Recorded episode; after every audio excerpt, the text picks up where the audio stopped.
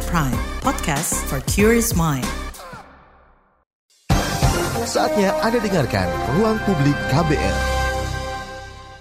Halo, selamat pagi. Senang sekali kita berjumpa kembali dalam Ruang Publik KBR bersama saya Deborah Tanya.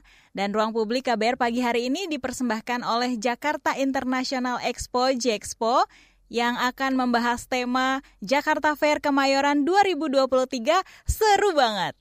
Pastinya kita semua masyarakat Indonesia sudah tahu tentang Jakarta Fair Kemayoran atau JFK ini ya. Nah, tahun ini kembali digelar tentunya. Ini merupakan kali ke-54 ya. Sejak tahun 1968 Jakarta Fair Kemayoran ini digelar pertama kalinya. Seperti tahun-tahun sebelumnya, event tahunan ini diselenggarakan tentunya di arena Jexpo Kemayoran yang berlokasi di Jakarta Pusat. Dan ini sudah digelar sejak tanggal 14 Juni yang lalu ya tahun 2023.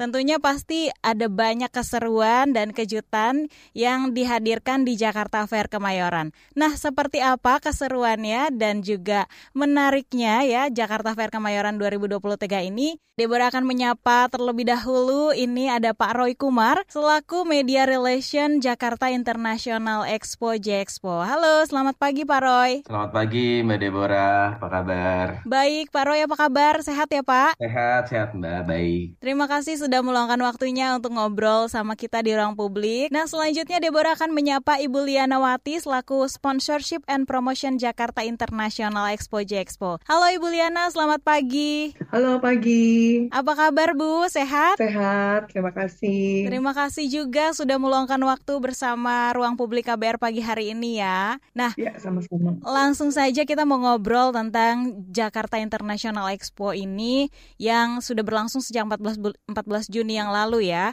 Tentunya Jakarta Fair Kemayoran ini kan sudah diselenggarakan tadi di awal diberitahukan sejak 1968. Mungkin ke Pak Roy dulu nih, Pak. Kalau misalnya kita melihat sejarah singkat tentang eh, Jakarta Fair Kemayoran ini, apa sih Pak yang menjadi latar belakang event tersebut? Oke, terima kasih Mbak Deborah sebelumnya. Um, saya cerita latar belakang Jakarta Fair-nya dulu ya. Sebenarnya di tahun 1968 itu tercetusnya itu dari ide um, dua pelopor founding father kita yaitu Bapak almarhum uh, Ali Sadikin, mantan Gubernur DKI Jakarta, dan juga Ketua Kamar Dagang Indonesia pada saat itu yaitu Ketua Kadin Bapak Syamsuddin Mangan untuk mereka mencetuskan suatu event pesta rakyat yang memang uh, diperuntukkan untuk uh, memperingati hari ulang tahun Kota Jakarta pada saat itu. Cuma pada waktu itu karena masih diselenggarakan di Monas, di uh, Silang Monas, jadi uh, memang tenannya itu tidak banyak uh, diikuti uh, sempat ratusan tenan dan berkembang berkembang berkembang hingga saat ini sudah diikuti oleh ribuan peserta atau ribuan tenan. Cuma pada saat itu memang sejarahnya Jakarta Fair itu memang yang diselenggarakan di Monas itu pada bahkan pada tahun 1969 itu uh, Jakarta Fair sempat didatangi atau dikunjungi oleh mantan presiden Amerika Serikat yaitu Bapak uh, Richard Nixon pada saat itu yang sempat juga berkunjung ke Jakarta Fair juga bahkan sempat membeli beberapa produk pada saat itu. Gitu sejarahnya seperti itu sih kurang lebih karena kita uh, dari DKI Jakarta ingin membuat suatu pesta rakyat memang diperuntukkan untuk uh, memperingati hari ulang tahun Kota Jakarta dan juga menyajikan hiburan-hiburan yang berlaku untuk uh, semua masyarakat tidak hanya Jakarta tapi sekitar uh, luar Jakarta juga dapat mengunjungi Jakarta Fair. Kurang lebih seperti itu sih Mbak Deborah. Iya, pada intinya ingin mensupport uh, para UMKM yang ada di wilayah Jakarta terlebih dahulu waktu itu ya, Pak Roy ya. Kemudian ya, semakin lama berkembang, berkembang gitu ya. Ya betul, karena UMKM pada saat itu memang sangat banyak sekali dan rata-rata bahkan UMKM yang ikut untuk pesertanya pada saat itu. Oke, nah kalau kita melihat berita-berita disebutkan bahwa Jakarta Fair Kemayoran ini kan tercatat sebagai event pameran terbesar nih di Asia Tenggara. Apa betul Pak Roy? Iya, jadi kita Jakarta Fair itu memang mempunyai tagline event terbesar, terlengkap sekaligus terlama di kawasan Asia Tenggara karena setelah kita cek juga melalui datanya juga tidak ada yang selama Jakarta Fair juga penyelenggaraannya sampai sebulan lebih. Lalu terbesar karena memang pes, kepes, dari sisi kepesertaan sehingga 2.500 tan dan 1.500 peserta itu sangat sangat banyak sekali. Lalu terlama juga hingga sebulan lebih dan terlengkap semua semua lini uh, industri mulai dari UMKM sampai swasta dan uh, sektor pemerintah juga ikut andil dalam pameran ini dan itu sih yang kita klaim sebagai terbesar, terlama, terlama dan terlengkap.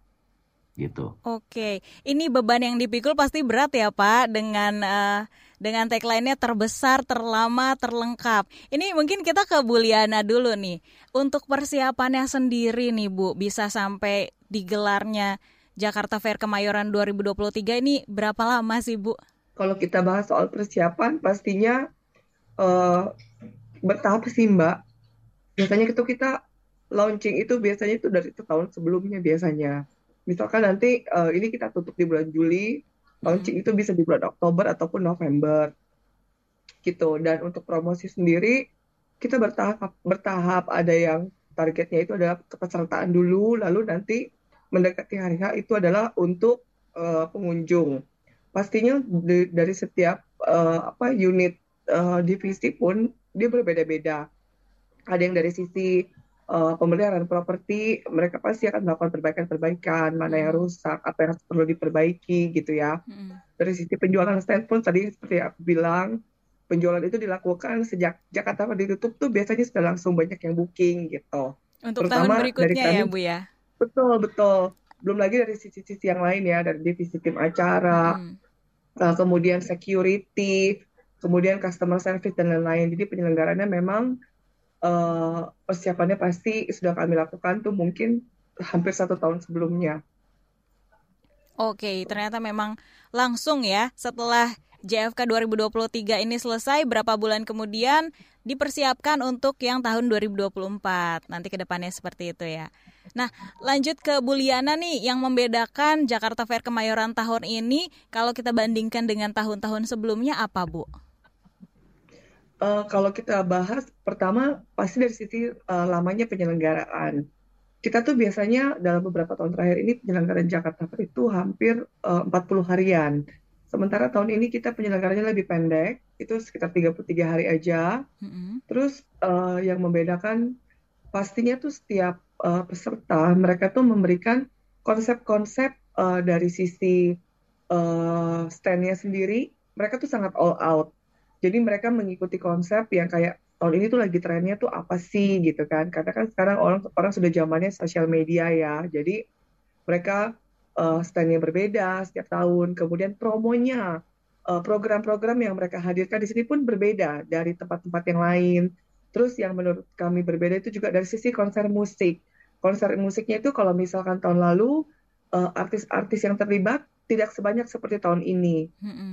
Kemudian panggung utama kami pun untuk konsernya pun sangat berbeda uh, dibandingin tahun-tahun sebelumnya. Jadi uh, belum lagi kayak misalkan eh, acara-acara uh, yang diberikan daripada setiap stand itu juga sangat menarik. Jadi merupakan satu kesatuan sih kalau menurut kita. Oke, jadi biasanya tahun-tahun sebelumnya tuh sekitar 40 hari untuk penyelenggaraan Jakarta Fair Kemayoran, tapi di tahun 2023 ini semakin dipersempit waktunya tapi tidak mengurangi kualitas dari acara JFK itu. Tadi Ibu Liana juga bilang ada konser juga ya. Nanti kita akan tanya-tanya nih tentang konser. Biasanya kalau bicara tentang konser nih banyak yang tertarik ya, bukan hanya orang-orang yang muda, tapi orang-orang yang memang usianya juga sudah lanjut tapi memang suka gitu ya untuk nonton konser bisa nih nanti datang ke JFK. Nah, kemudian kita ke Pak Roy lagi nih. Di tahun 2023 untuk JFK sendiri yang ke-54 ini ya penyelenggaraannya, tema yang diusung apa nih Pak? Iya, untuk temanya sendiri sebenarnya itu kita ada sudah menentukan yaitu uh, uh, Jakarta Fair turut andil dalam uh, bangkitnya kembali Indonesia gitu ya. Jadi sebenarnya kita ingin memajukan produksi Indonesia lewat peserta-peserta yang uh, komposisinya UM, antara UMKM dan swasta itu adalah 40 dan 60. Jadi 60% persen itu diikuti oleh sektor swasta dan juga 40% persen itu diikuti oleh sektor UMKM. Jadi dalam hal ini kita juga mengembangkan bagaimana Jakarta Fair memberikan memberikan multiplier effect yang sangat luas juga ketersediaan lapangan pekerjaan yang hingga puluhan ribu tenaga kerja yang hmm. kita buka mulai dari pekerja kontraktor, lalu ada uh, sales promotion, lalu dari tim internal kita sendiri, lalu ada security, housekeeping dan lain-lain itu uh, jumlahnya kalau mulai dari persiapan hingga akhir event itu bisa mencapai puluhan ribu. Dan bahkan kita juga mendukung juga industri kreatif yang tadi disebutkan oleh Ibu Liana melalui sektor uh, musik atau konser musik itu kita persiapkan. Bagaimana kita juga mendukung band band-band yang memang uh, atau grup-grup musik atau bahkan musisi yang memang belum pernah mencoba panggung yang besar kita panggil uh, kita coba panggil untuk tampil di panggung utama untuk menjadi opening band-band yang besar ini agar mereka juga uh, dapat mencicipi atau merasakan bagaimana sih uh, panggung yang besar karena panggung Jakarta Fair itu sangat besar dan kapasitasnya itu bisa mencapai 12.000 penonton. Jadi kita harapkan juga ini kita Jakarta Fair juga mendukung industri kreatif melalui musik. Kurang lebih seperti itu sih. Oke, ya. Kalau misalnya ini kan uh, sudah tanggal 5 Juli ya. Berarti yeah. sudah ada banyak juga musisi-musisi Indonesia, musisi tanah air yang sudah manggung di panggung besarnya Jakarta Fair Kemayoran tentunya ya Pak Roy. Iya betul. Baik.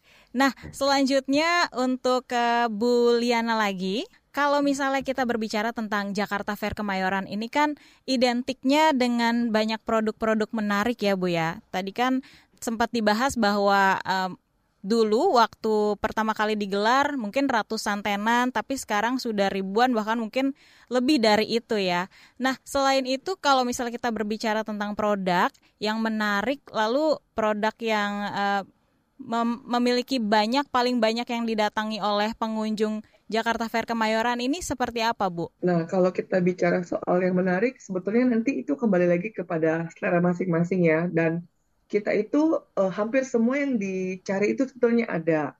Kayak mulai dari otomotif, furniture, branded fashion, kosmetik, kemudian sampai makanan kuliner gitu ya dan wahana-wahana untuk anak-anak dan juga remaja juga kita tuh di sini ada. Nah, yang menarik menurut saya adalah tahun ini kita itu punya hall baru khusus uh, di B2. Hall itu adalah khusus untuk beauty. Jadi uh, semua hal yang terkait dengan perskincarean, konsultasi kecantikan, kemudian produk-produk fashion gitu ya, itu dalam satu hall, dikumpulkan semua jadi satu. Dari kemarin saya perhatiin sejak Jakarta Fair dibuka itu termasuk uh, berhasil dan selalu ramai gitu ya. Dan yang menarik itu adalah mereka memberikan uh, promo-promo kayak produk gratis, mm -hmm. kosmetik ada yang harganya cuma 5000 aja, ada yang kita bawa lipstick bekas ataupun kosong kalian akan dapat dikasih lagi yang baru gitu. Itu sangat menarik buat uh, pengunjung kita. Terus wow. kalau mau ngomongin soal yang paling banyak dicari biasanya pasti akan kuliner gitu ya. Hmm. Orang datang pasti minimal jajan. Ciki-ciki yang menjadi ciri khas uh, Jakarta Fair itu yang sudah dikemas uh, satu saset sepuluh ribuan. Satu gede itu ya bu ya? Ya, ya itu tuh sangat menarik uh, buat pengunjung kita dan itu adanya tuh cuma ada di Jakarta Fair aja. Kalau kita ngomongin soal uh, apa namanya di tempat rekreasi yang lain uh, minum biasanya air mineral itu kan minimal harga 8.000 sampai 10.000. Yeah. Sementara di Jakarta Fair 10.000 kalian dapat 4 gitu. Jadi itu sangat terjangkau. Makan juga ada yang harganya 10.000, 20.000 udah dapat nasi plus minum. Jadi hmm. silakan dipilih yang sesuai dengan selera masing-masing aja. Oke, tadi Bu Liana sempat bahas eh, di hall B2 itu ada khusus untuk kecantikan ya wanita-wanita yeah. Indonesia kalau misalnya ingin cari produk-produk kosmetik ataupun skincare itu bisa ke Hall B2 langsung ya. Banyak promo juga pastinya ya. Iya, banyak sekali. Pensil alis harga 5000 terus wow. ketika kita jalan dikasih masker gratis, bisa konsultasi kulit gratis -hmm. gitu. Jadi itu sangat menarik sih. Betul, oke. Okay. Nanti saya akan segera mengunjungi Hall B2 langsung ya. Datang ke Jakarta Fair, Kemayoran langsung ke Hall B2 tanpa pikir panjang. Baik Bu Liana dan Pak Roy, kita harus jeda terlebih dahulu. Ruang publik KBR akan kami lanjutkan setelah ini. Tetap bersama kami. Masih Anda dengarkan Ruang Publik KBR. Commercial break. Commercial break.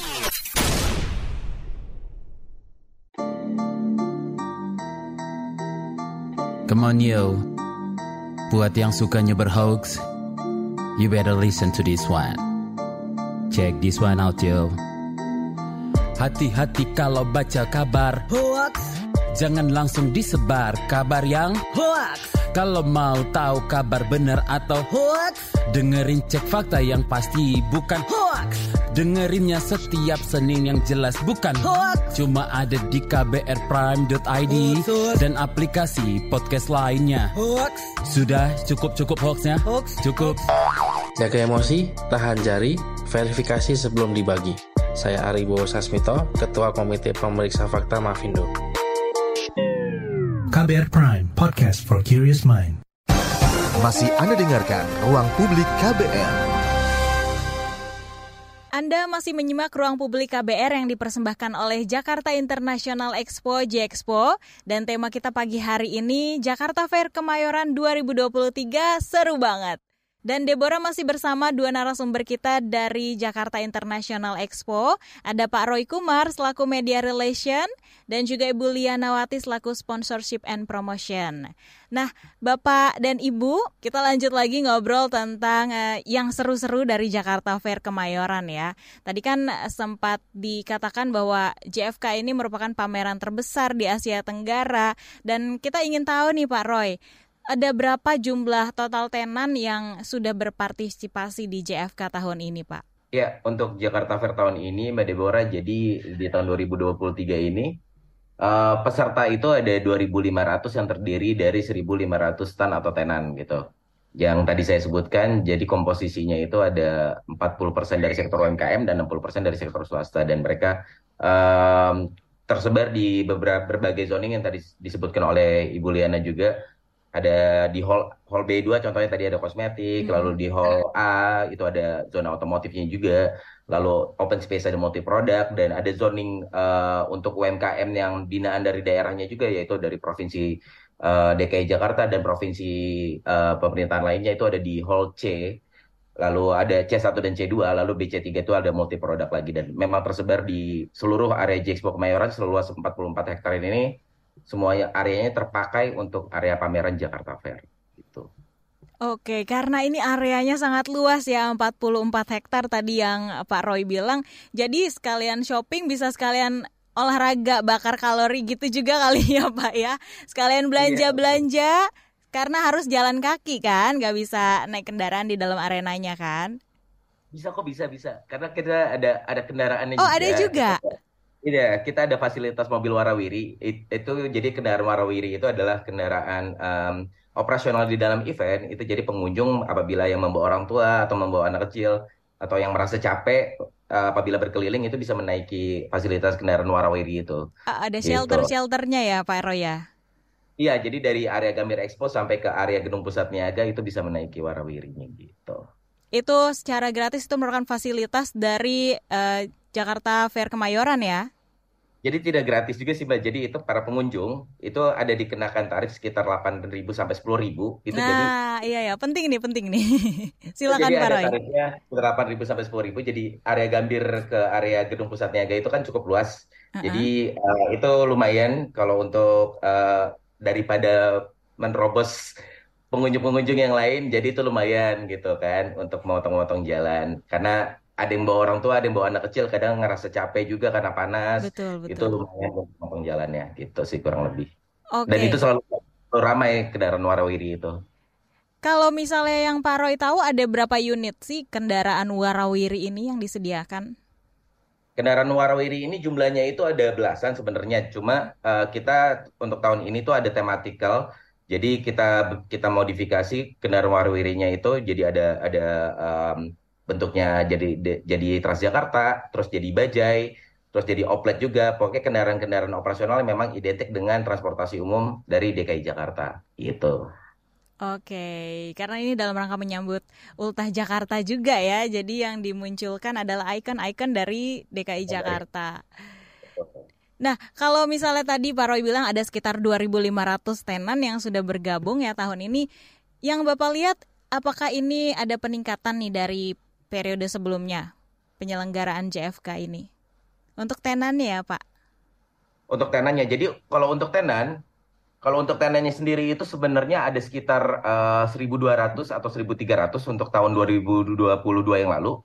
Jadi ada peningkatan sekitar 200 uh, eh, kepesertaan gitu ya. Hmm. Cuma untuk dari sisi uh, tenannya eh bootnya sendiri itu terdiri dari 2.500 memang uh, sama komposisinya dengan tahun yang lalu. Jadi memang karena areanya sudah sudah segitu luas, jadi rasanya agak-agak sulit dan agak-agak tricky juga untuk mengatur beberapa zoning baru karena memang ada beberapa zona yang dipindahkan seperti yang tadi disebutkan oleh Bu Liana itu kosmetik itu merupakan zoning baru pada tahun ini yang menjadi memang prima donanya Jakarta Fair di tahun ini gitu.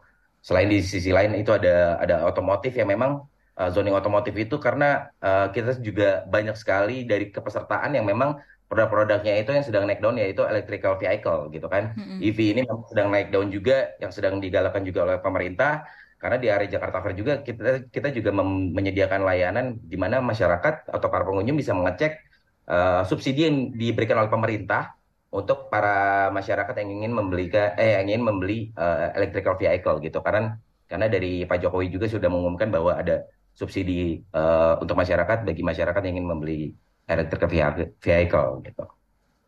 Oke, nah kalau kita berbicara lagi tentang tenan atau peserta dari pameran ini, Pak Roy, apakah sebenarnya ini semua UMKM bisa bergabung secara umum dibuka pada waktu itu atau seperti apa, Pak? Mekanisme pendaftarannya? Ya, mekanisme pendaftarannya seperti yang tadi sudah disebutkan di awal oleh Ibu Liana, sebenarnya persiapannya itu di satu tahun ketika kita um, akhir event Jakarta Fair tahun 2023 kita langsung mempersiapkan untuk event Jakarta Fair 2024 sekitar bulan Oktober atau November kita sudah melakukan launching nah saat itu kita juga membuka pendaftaran untuk para para tenan gitu kan ya. Hmm. jadi untuk uh, para pelaku UMKM juga kita sangat terbuka luas untuk para peserta UMKM untuk mendaftarkan diri. Kebanyakan memang dari zona uh, dari ranah industri kuliner itu sangat-sangat banyak sekali dan itu memang kita terbuka untuk umum. Namun dari daerah pun misal dari daerah lain di luar Jakarta itu bisa juga mengikuti kepesertaan di Jakarta Fair karena itu dari pemerintah daerahnya sendiri itu membuka um, kuota untuk mengikuti tenan di Jakarta Fair. Misalnya provinsi um, Jawa Tengah itu mereka membuka kuota untuk sekitar uh, belasan atau puluhan untuk UMKM untuk ikut serta di Jakarta Fair kurang lebih seperti itu. Oke.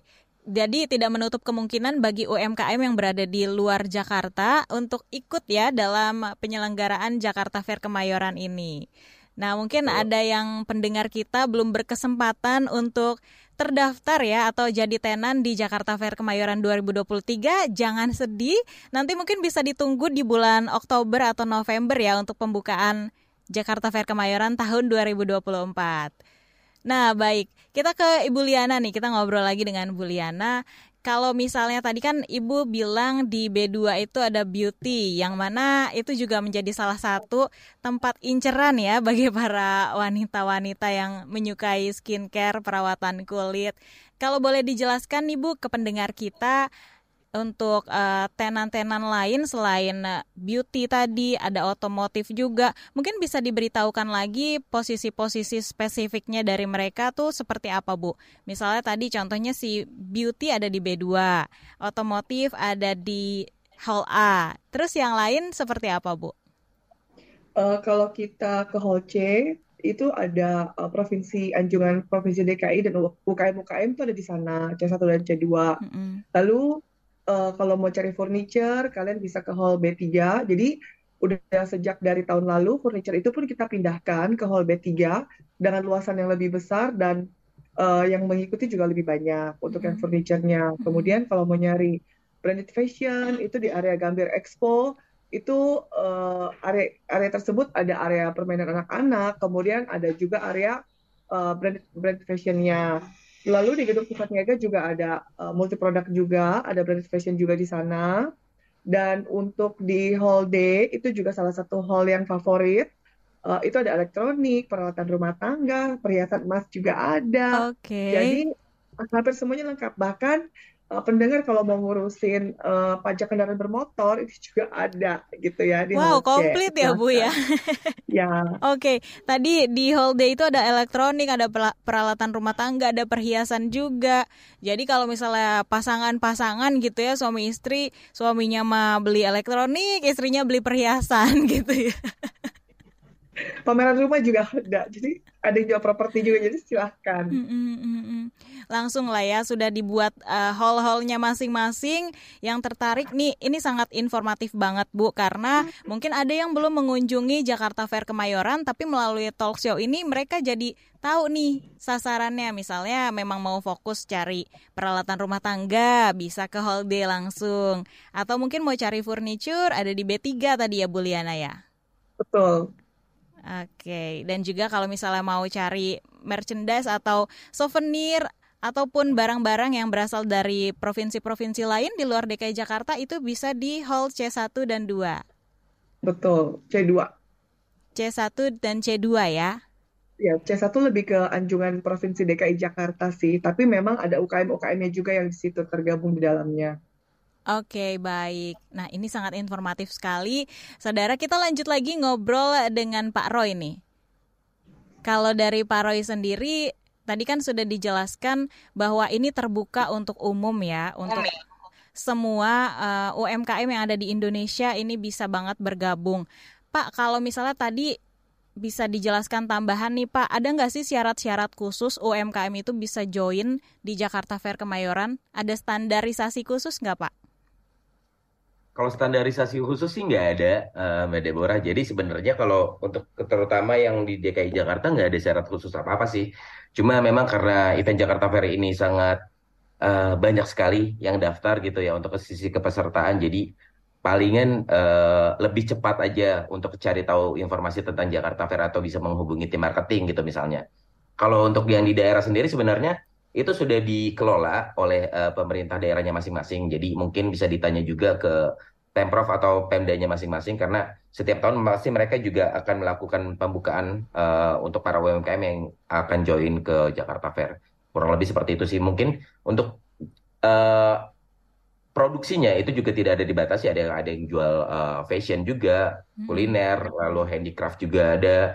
Jadi tidak ada batasan untuk ke sisi produksinya atau industrinya. Jadi semuanya bisa dipamerkan sih. Itu sih Mbak Deborah. Oke, baik. Terima kasih infonya Pak Roy dan Buliana. Tapi kita harus jeda terlebih dahulu. Setelah jeda ini kita akan lanjut perbincangan tentang Jakarta Fair Kemayoran 2023 tentunya. Tetap bersama kami. Masih Anda dengarkan Ruang Publik KBR. Yuk follow sosial media KBR. Twitter at Berita KBR. Instagram at KBR.id. Youtube Berita KBR. Masih Anda dengarkan Ruang Publik KBR. Anda masih menyimak ruang publik KBR yang dipersembahkan oleh Jakarta International Expo (Jexpo) dan tema kita pagi hari ini Jakarta Fair Kemayoran 2023 seru banget. Saya akan kembali menyapa kedua narasumber kita pada pagi hari ini ada Pak Roy Kumar dan Ibu Lianawati selaku Media Relation dari Jakarta International Expo dan juga Sponsorship and Promotion Jakarta International Expo. Kita balik lagi ke Pak Roy nih. Terkait untuk jumlah pengunjung nih Pak, pastinya membludak ya karena ini merupakan event yang dinanti-nantikan oleh masyarakat khususnya di Jakarta dan sekitarnya.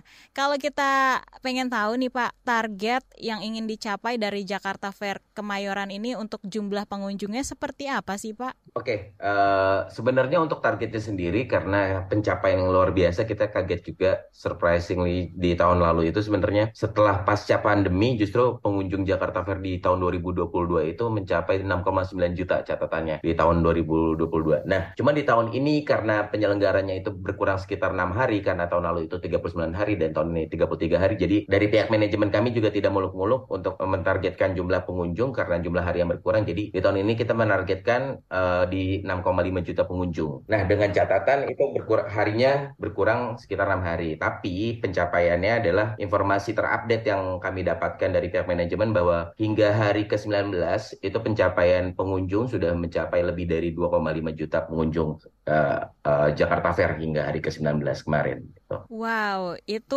isinya manusia udah kayak semut kali ya Pak ya. Sebanyak Karena, itu. eh, ya karena momentumnya pas eh, cuti bersama yang cukup panjang karena Idul Adha dan juga momen- eh, momentum libur anak sekolah juga, Mbak Deborah. Betul, Jadi betul. mungkin itu yang, yang dimanfaatkan oleh masyarakat untuk eh, Jakarta Fair bagaimana menjadi alternatif destinasi eh, keluarga untuk berlibur gitu sih. Memang terpantau sih Pak, terpantau dari jembatan layang yang ada di Kemayoran itu ya, akses mau masuk ke Jakarta Fair, wow luar biasa. Iya. Antusiasme masyarakat ya untuk karena di Jakarta Fair ini banyak sekali promo-promo yang tadi sudah disebutkan juga sama Buliana ya. Ada banyak promonya, ada banyak uh, keunikan-keunikan yang baru juga tentunya yang beda dari tahun-tahun sebelumnya. Nah, masih ke Pak Roy nih tentang berbicara tentang animo masyarakat dari tahun ke tahun. Tadi Pak Roy oh. bilang tahun 2020 2022 yang lalu itu ada sekitar 6,9 juta orang yang mengunjungi ya.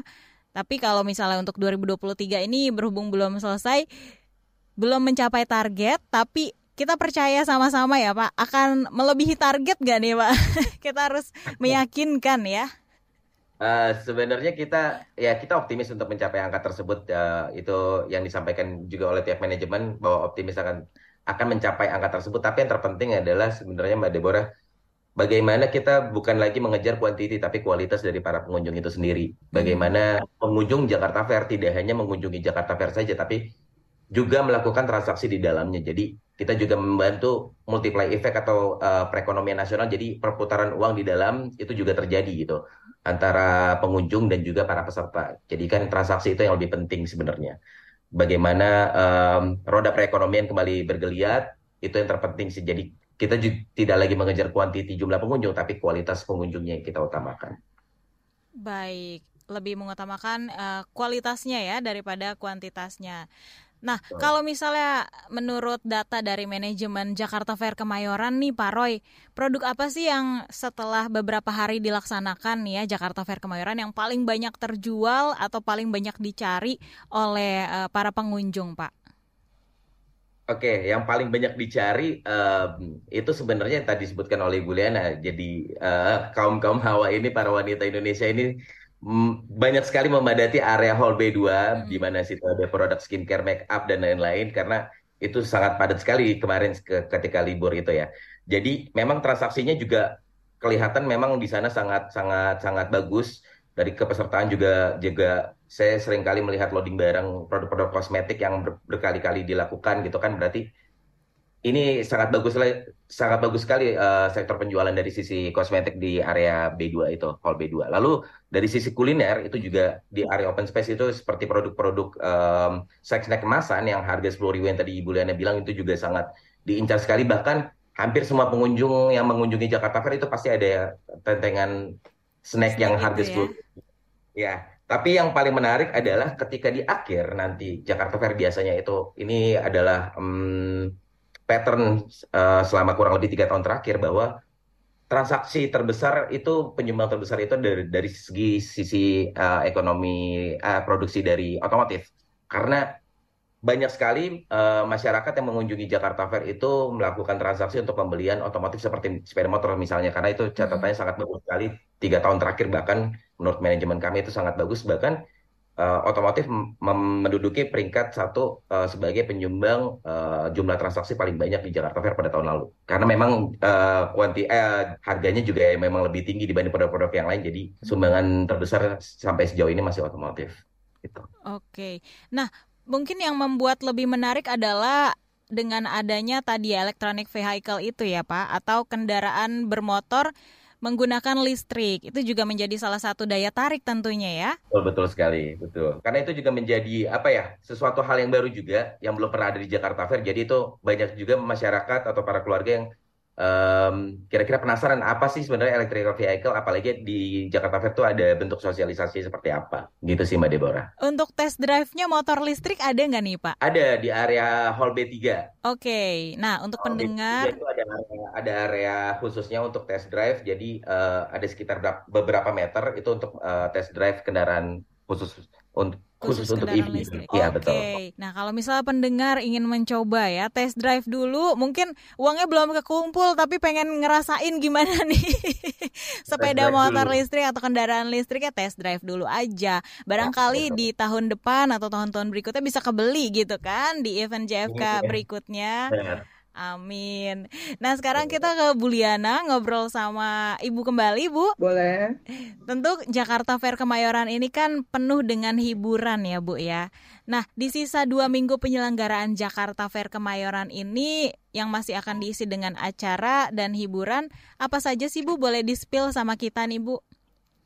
Ya, jadi kalau kita ngomongin konser musik, itu masih ada banyak sekali artis-artis uh, ternama Indonesia yang akan tampil kayak misalkan masih ada Raisa, JKT48, Kotak, The Massive, uh, bahkan Tip X uh, apa dan NDX AK itu akan tampil lagi gitu ya karena mereka uh, uh, apa namanya kemarin tuh uh, mereka tuh animonya sangat bagus gitu.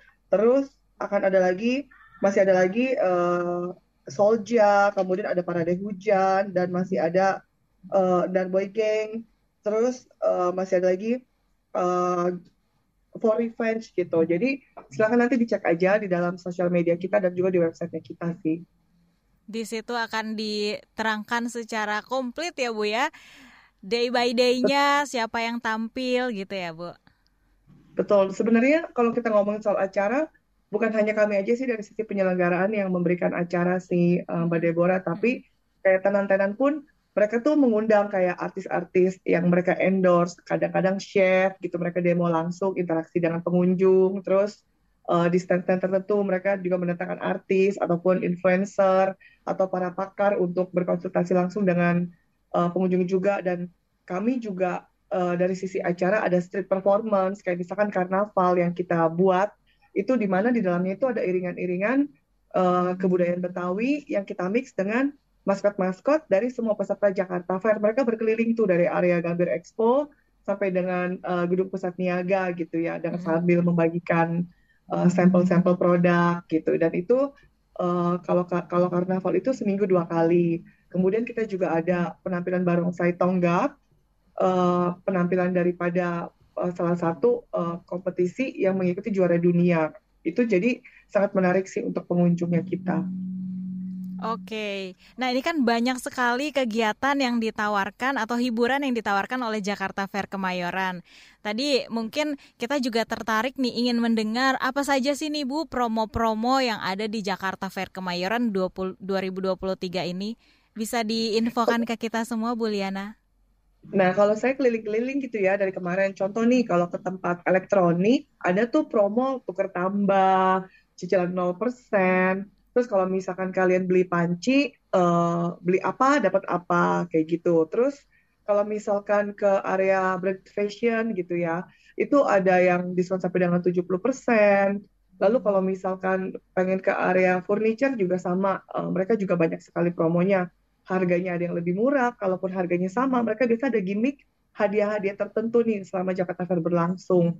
Dan uh, sangat menarik sih, bahkan kalian tuh bisa tuker tambah kendaraan hmm. perginya naik mobil yang lama atau motor yang lama pulangnya udah bawa yang baru. Itu tuh ada di sini gitu. Langsung ya bu ya? Tuker tambah di tempat ya? Betul. Gercep gercep. Wow wow wow wow menarik sekali. Jadi bukan hanya handphone yang bisa tuker tambah kendaraan pun bisa ditukar tambah ya? Oke. Okay. oke okay, baik. Nah Bu Liana dan Pak Roy kita akan lanjut lagi. Masih ada satu segmen lagi. Sebelum itu kita akan jeda terlebih dahulu. Saudara tetap bersama kami di Ruang Publik KBR. Masih Anda dengarkan Ruang Publik KBR. Commercial break. Commercial break.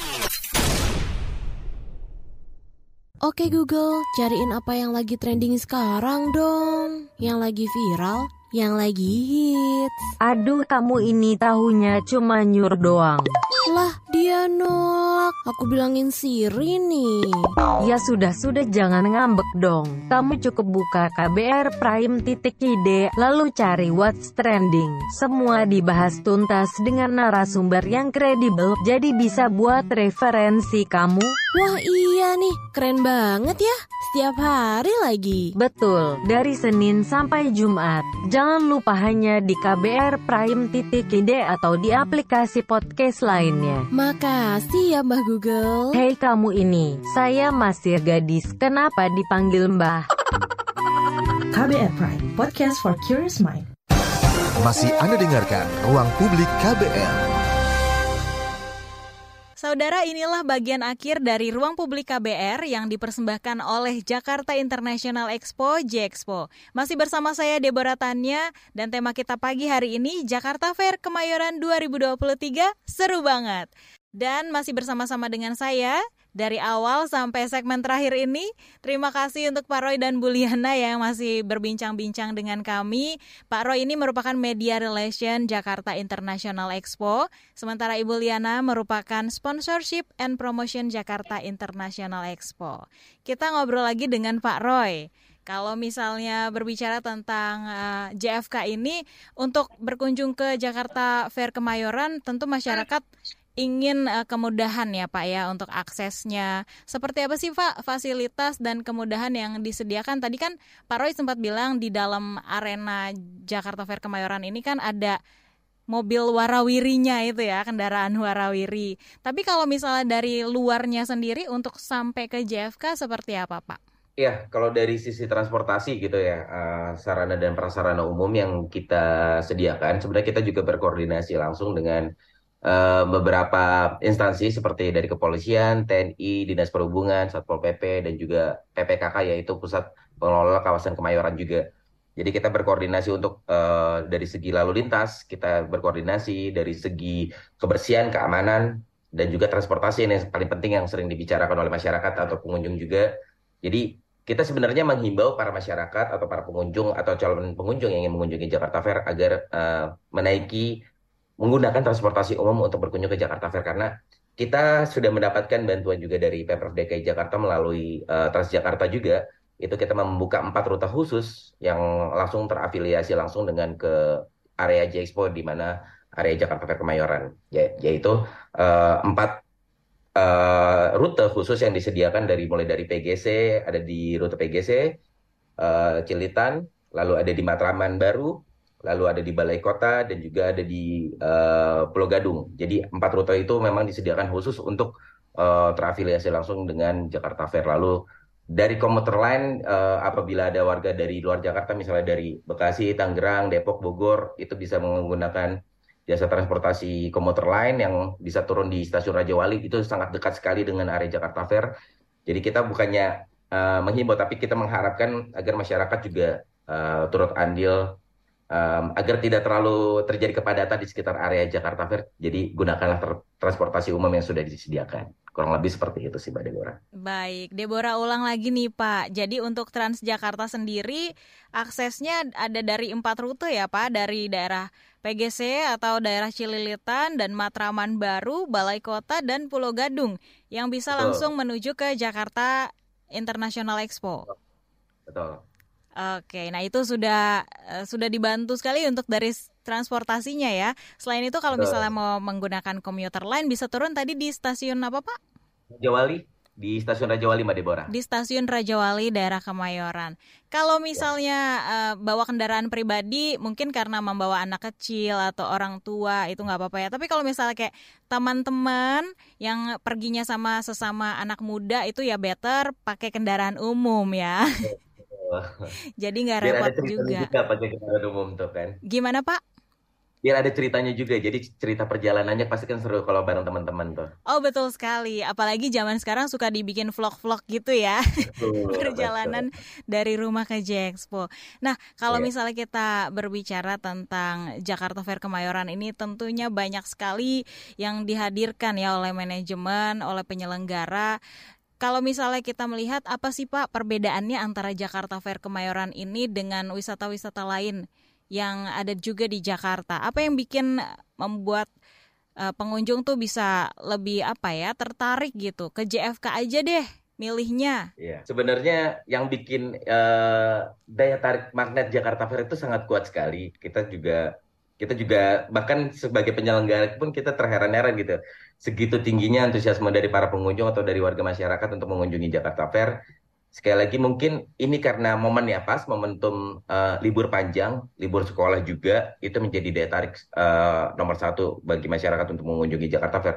Namun dari sisi hiburan pun kita memang menyiapkan uh, berbeda dengan event-event yang lain di mana dalam satu area itu ada area konser one stop shopping, berbelanja semua produk kebutuhan rumah tangga, uh, kuliner segala macam, kebutuhan anak, kosmetik yang tadi disebutkan oleh Bu Liliana.